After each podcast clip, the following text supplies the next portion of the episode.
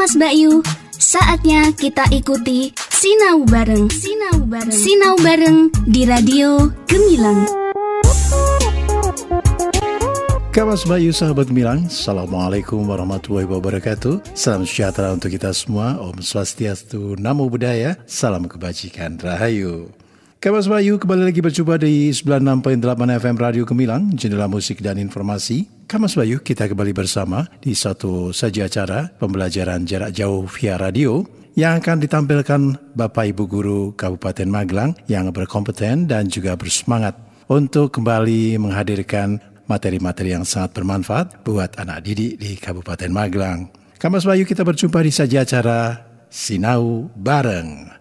Satu saja acara spesial dari Radio Gemilang FM, tentu saja bekerja sama dengan Dinas Pendidikan dan Kebudayaan Kabupaten Magelang yang akan hadir untuk Anda setiap harinya pukul 7 hingga 8 dan 11 hingga 12. Kamas Bayu Sahabat Gemilang juga bisa berpartisipasi dengan memberikan masukan-masukan yang kontributif di WhatsApp Radio Gemilang FM di nomor 081 578 968 968. Kamas Bayu, tanpa panjang kata lagi, kita sambut saja acara Sinau Bareng di kesempatan hari ini.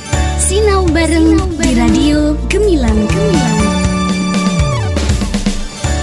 Assalamualaikum warahmatullahi wabarakatuh. Selamat pagi anak-anak hebat Kabupaten Magelang. Selamat bertemu dalam acara siaran pendidikan Disibut Kabupaten Magelang. Yang kali ini kita bekerja sama dengan Diskom Info Kabupaten Magelang. 96.8 Radio Gemilang FM, Jendela Musik dan Informasi. Perkenalkan, nama saya Pak Anggun, guru PJOK di SD Negeri Samba, Kecamatan Kajoran. Kali ini saya bersama dengan Bu Guru muda yang cantik, energik, dan penuh dedikasi pastinya. Silahkan Ibu, anak-anak pengen kenalan. Halo anak-anak hebat, Kang Mas, Mbak Yu, sahabat Gemilang, serta wali murid yang selalu setia menemani putra dan putri belajar di rumah. Perkenalkan, nama saya Ibu Hida, saya mengajar di Negeri SD Pakunden 2, Kecamatan Luar. Selamat berjumpa dan salam sehat untuk semuanya. Pertama-tama, perkenankan kami mengucapkan terima kasih banyak kepada Bapak Senel Arifin SIP selaku Bupati Kabupaten Magelang. Bapak Aziz Amin Mujahidin, MPD, selaku Kepala Dinas Pendidikan dan Kebudayaan Kabupaten Magelang. Bapak Triwinarto SPD selaku Koordinator KKG PJOK Kabupaten Magelang. Serta seluruh pengawas dan K3S di Kabupaten Magelang. Terima kasih kami ucapkan atas dukungan kepada kami sehingga acara belajar jarak jauh lewat radio dapat berlangsung dengan baik dan lancar tanpa ada halangan suatu apa pun. Tidak lupa kami menyapa seluruh guru pendidikan jasmani, olahraga dan kesehatan di Kabupaten Magelang. Selamat pagi, Salam salam, olahraga. olahraga. Sebelum pembelajaran kita mulai, marilah kita berdoa menurut agama dan kepercayaan kita masing-masing. Untuk yang beragama Islam, marilah kita mengucapkan basmalah bersama ya. Bismillahirrohmanirrohim. Semoga pembelajaran dapat berlangsung, berlangsung dengan baik dan lancar. Dan semoga pandemi virus corona ini segera berakhir sehingga kita bisa berjumpa lagi di sekolah kita masing-masing. Amin. Anak-anakku pendengar setia Gemilang FM, untuk membakar semangat kita sebelum belajar PJOK, mari kita melakukan tepuk PPK terlebih dahulu. Pastinya anak-anak sudah diajarkan di sekolah masing-masing kan? Betul sekali Pak Anggun. Ayo kita mulai tepuknya. Siap Bu Ida, saya pimpin ya tepuknya dan anak-anak juga silahkan mengikuti di rumah. Tepuk PPK. Religius, nasionalis, mandiri, gotong royong, integritas PPK, PPK, yes. Hmm, kayaknya anak-anak kurang semangat nih Bu Ida. Iya nih Pak Anggun.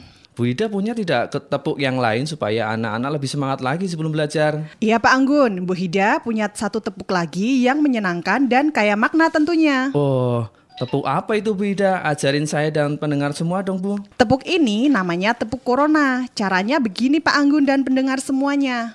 Tepuk corona. Cuci tangan, pakai masker, jaga jarak. Corona, corona, musnah. Wah, bagus sekali ya Bu Ida. Ayo kita coba lagi bersama-sama. Tepuk corona.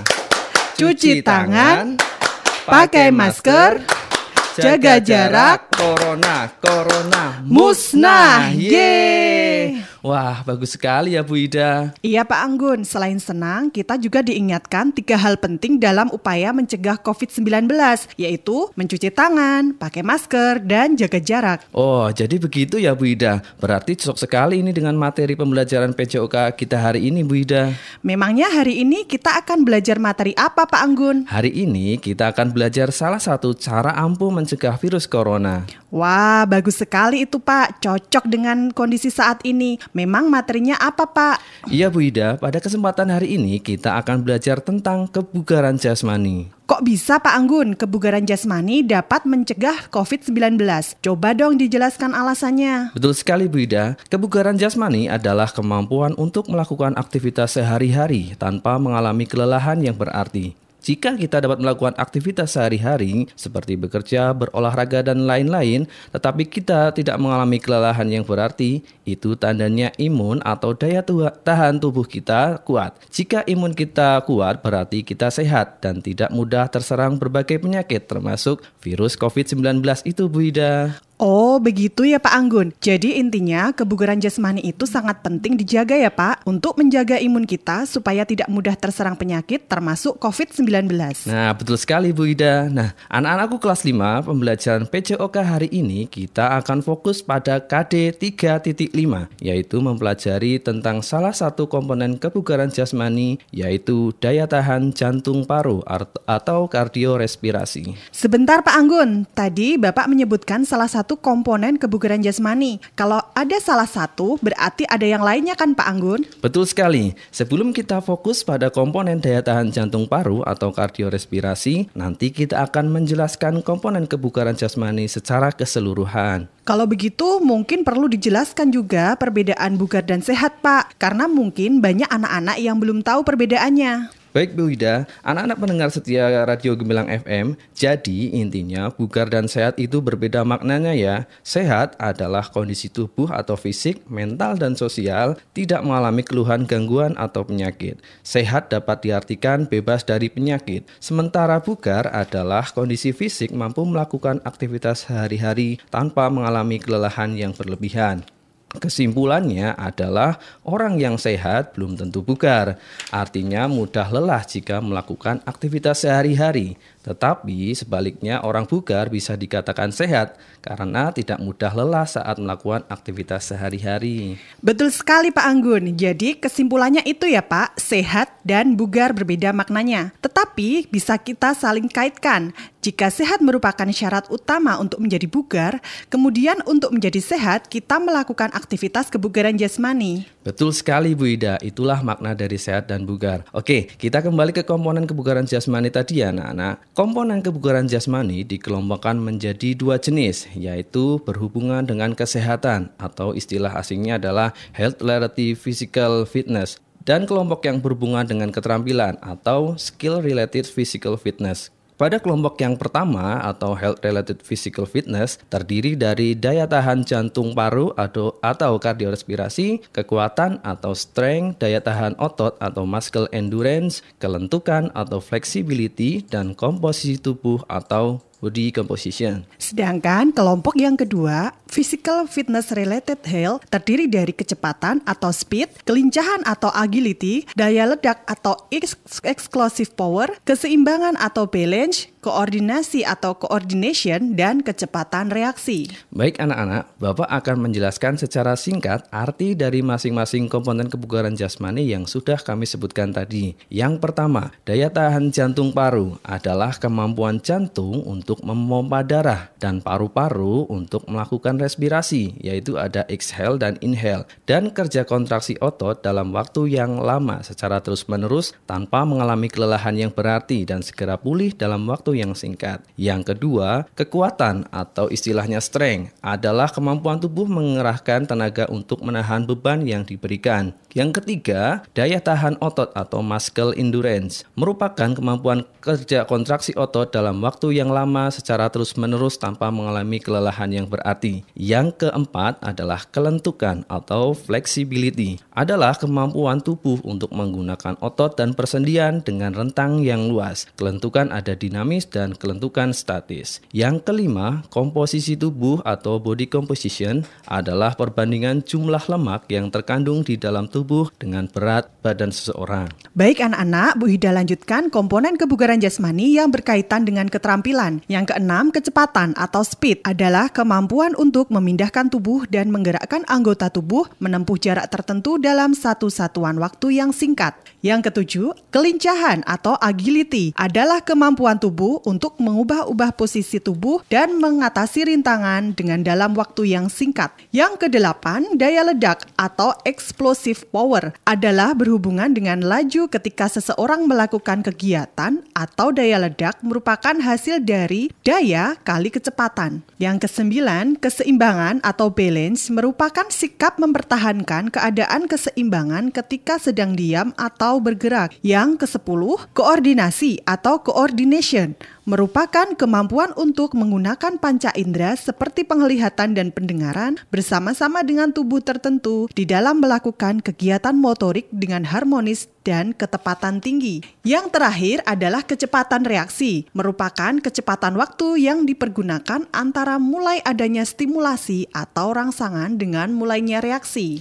Terima kasih Bu Ida. Anak-anakku kelas 5 pendengar setia Gemilang FM, dari beberapa contoh komponen kebugaran jasmani di atas, kita akan fokus belajar pada komponen daya tahan jantung paru atau kardiorespirasi. Sesuai pengertiannya, daya tahan adalah kemampuan untuk bertahan lama. Jantung fungsinya adalah adalah kemampuan memompa dalam peredaran darah, sedangkan paru atau paru-paru fungsinya dalam organ respirasi atau kemampuan menghirup oksigen dan mengeluarkan karbon dioksida. Untuk lebih jelasnya, silakan anak-anak pelajari di kelas 5 materi IPA. Betul sekali Pak Anggun. Jadi memang mata pelajaran PJOK erat kaitannya dengan kesehatan dan pembelajaran IPA.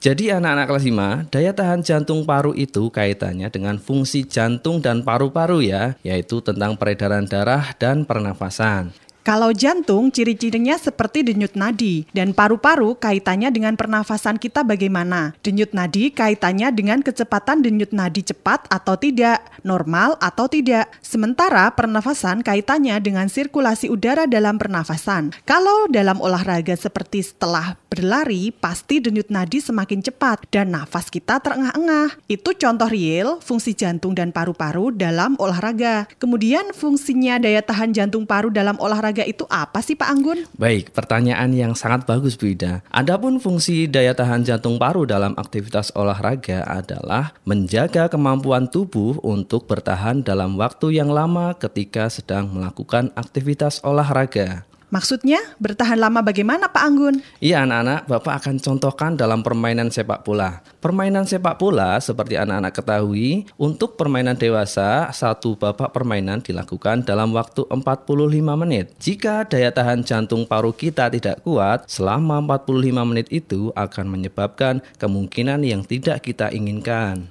Lah, maksudnya bagaimana Pak Anggun? Ya, artinya kita mudah lelah, tidak maksimal dalam pertandingan, dan akhirnya permainan kita kurang bagus dan jadi kalah dengan lawan. Dan ini yang dikhawatirkan Bida. Wah, khawatir bagaimana Pak? Nah, jika kita memaksakan berolahraga padahal tubuh kita sudah melebihi kemampuan daya tahan jantung paru kita, bisa terjadi cedera seperti pingsan, bahkan ada yang sampai kehilangan nyawa loh. Oh, berarti daya tahan jantung paru itu sangat penting ya Pak dalam olahraga? Benar sekali Bu Ida, setiap atlet pasti harus mempunyai daya tahan jantung paru yang kuat supaya ketika bertanding tidak mengalami kejadian di atas tadi. Jadi bisa disimpulkan juga daya tahan jantung paru adalah pondasi para atlet untuk mengikuti pertandingan ya Pak? Tepat sekali Bu Ida. Makanya dalam pertandingan sebelum mereka melatih skill atau kemampuan atlet, ada waktu khusus untuk melatih kebugaran jasmani, terkhusus daya tahan jantung paru. Loh, kalau begitu berarti daya tahan jantung paru itu bisa dilatih ya Pak Anggun? Benar sekali, semua komponen kebugaran jasmani itu dapat dilatih supaya lebih baik lagi, termasuk daya tahan jantung paru. Menarik sekali pembahasan daya tahan jantung paru ini, Pak. Kemudian, apa saja sih, Pak, yang dapat melatih daya tahan jantung paru? Oke, pada dasarnya semua aktivitas olahraga yang dilakukan dalam kurun waktu tertentu dan relatif lama dapat meningkatkan kemampuan daya tahan jantung paru. Asalkan tidak sampai dipaksakan ya. Sebagai contoh, jalan, lari, bersepeda, dan ber berenang misalkan. Jika dilakukan dalam kurun waktu tertentu dan disiplin waktu tentunya itu akan meningkatkan kemampuan daya tahan jantung dan paru kita. Wah, berarti yang lagi ramai orang bersepeda atau goes salah satu tujuannya untuk melatih daya tahan jantung paru itu ya Pak? Nah, betul sekali Bu Ida. Mereka yang bersepeda tujuannya adalah untuk melatih daya tahan jantung paru supaya sehat dan bugar, sehingga imun mereka kuat dan terhindar dari virus corona. Makanya, buat kalian yang punya sepeda, manfaatkan sepedamu untuk berolahraga ya. Aduh, tapi saya nggak punya sepeda Pak. Terus bagaimana cara untuk melatih daya tahan jantung paru saya? Jangan khawatir anak-anak, e, bersepeda hanyalah salah satu cara untuk meningkatkan daya tahan jantung paru. Cara yang lainnya masih banyak seperti jalan santai, jogging atau lari pelan, berenang juga bisa. Kemudian dalam buku PJOK kelas 5 juga disebutkan beberapa aktivitas yang dapat melatih daya tahan jantung paru seperti lari memindahkan bola, lari fartlek, lari interval, dan lompat tali juga bisa melatih daya tahan jantung paru. Wah, ternyata banyak sekali pilihannya ya Pak. Berarti kalau kita mau sehat dan bugar itu tidak harus mahal ya Pak? Betul sekali. Untuk mencapai sehat dan bugar itu tidak harus mahal, tetapi harus ada niat dan mampu mencoba melakukan hal apa pun yang bisa kita lakukan untuk melakukan berbagai latihan kebugaran jasmani. Oke, selanjutnya boleh dong Pak dijelaskan satu persatu contoh gerakan yang disebutkan tadi? Siap Wida. Anak-anak pendengar setia Radio Gemilang FM, untuk gerakan yang pertama yang dapat melatih daya tahan jantung paru adalah satu, lari memindahkan bola kecil. Kalau tidak ada bola kecil di rumah, anak-anak bisa menggunakan kerikil ya atau batu kecil yang mudah dipindahkan. Cara melakukannya yang pertama, siapkan 5 buah bola kecil atau batu kecil tadi. Yang kedua, siapkan dua wadah. Kalau kalian tidak punya wadah, bisa menggunakan gambar lingkaran di tanah. Yang ketiga adalah satu wadah berisi lima bola atau batu dan satu wadahnya kosong. Jarak dua wadah tersebut adalah 5-8 meter. Yang selanjutnya kemudian anak melakukan lari dari titik wadah yang kosong menuju wadah yang berisi bola kemudian mengambil atau memindahkan bola satu persatu sampai lima bola tadi berpindah tempat ke wadah yang kosong. Wow, menarik sekali ya Pak Anggun latihan lari memindahkan bola ini. Permainan ini akan sangat menarik dan menyenangkan bila dilakukan dengan teman yang lain supaya ada motivasi untuk menjadi yang terbaik dan tercepat memindahkan bola atau batu itu. Betul sekali Bu Ida, selain permainan ini mudah dilakukan, tapi banyak manfaat selain melatih daya tahan jantung paru itu Bu.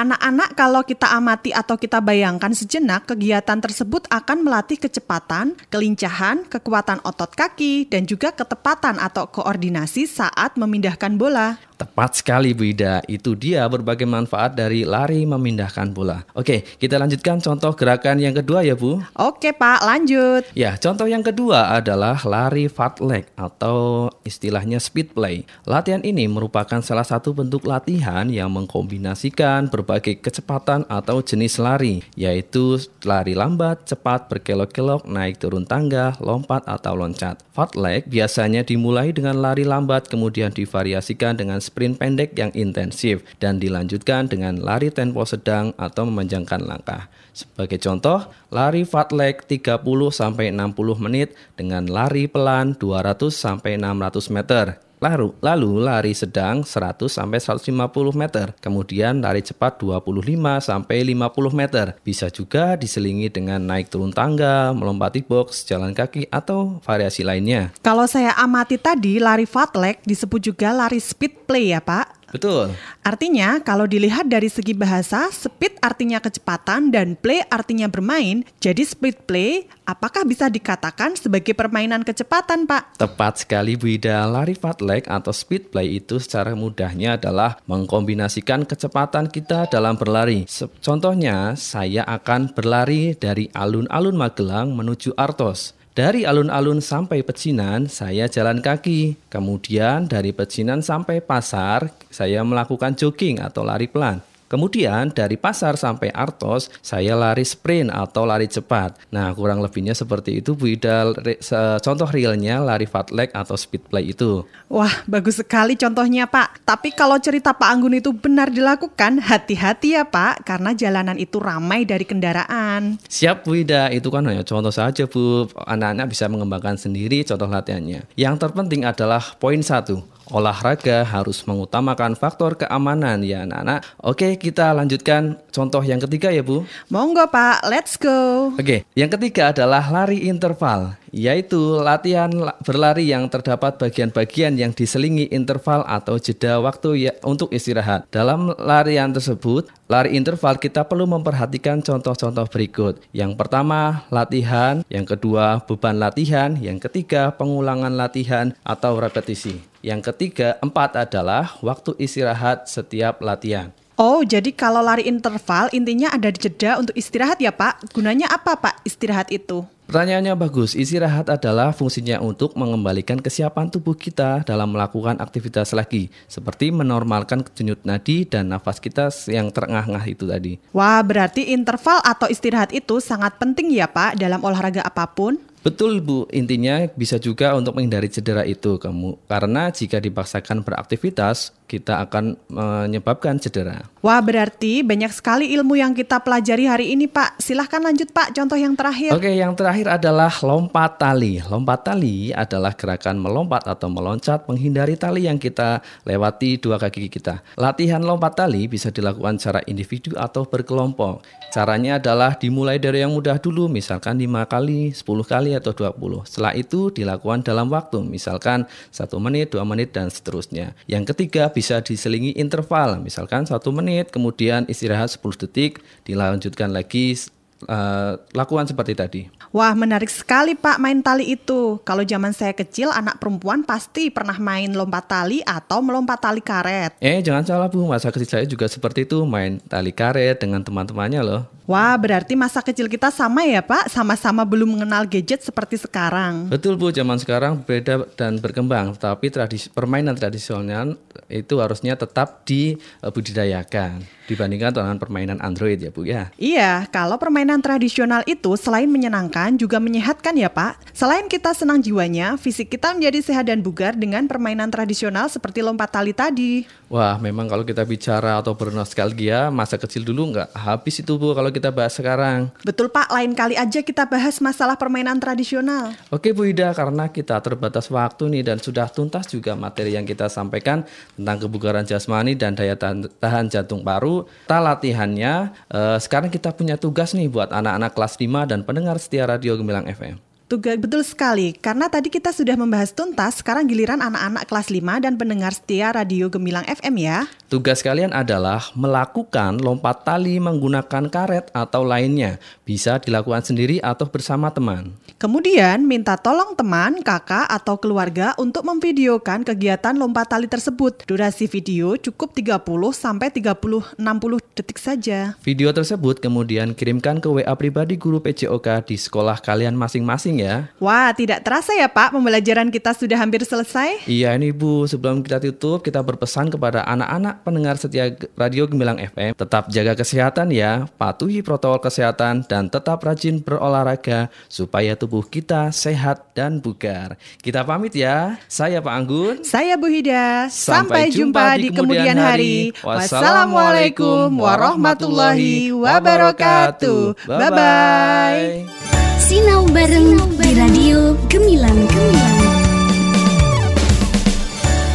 Adik-adik siswa, sahabat Gemilang, demikian tadi kebersamaan kita di program Sinau Bareng bersama para Bapak Ibu Guru yang berkompeten dan bersemangat serta berdedikasi dari Kabupaten Magelang.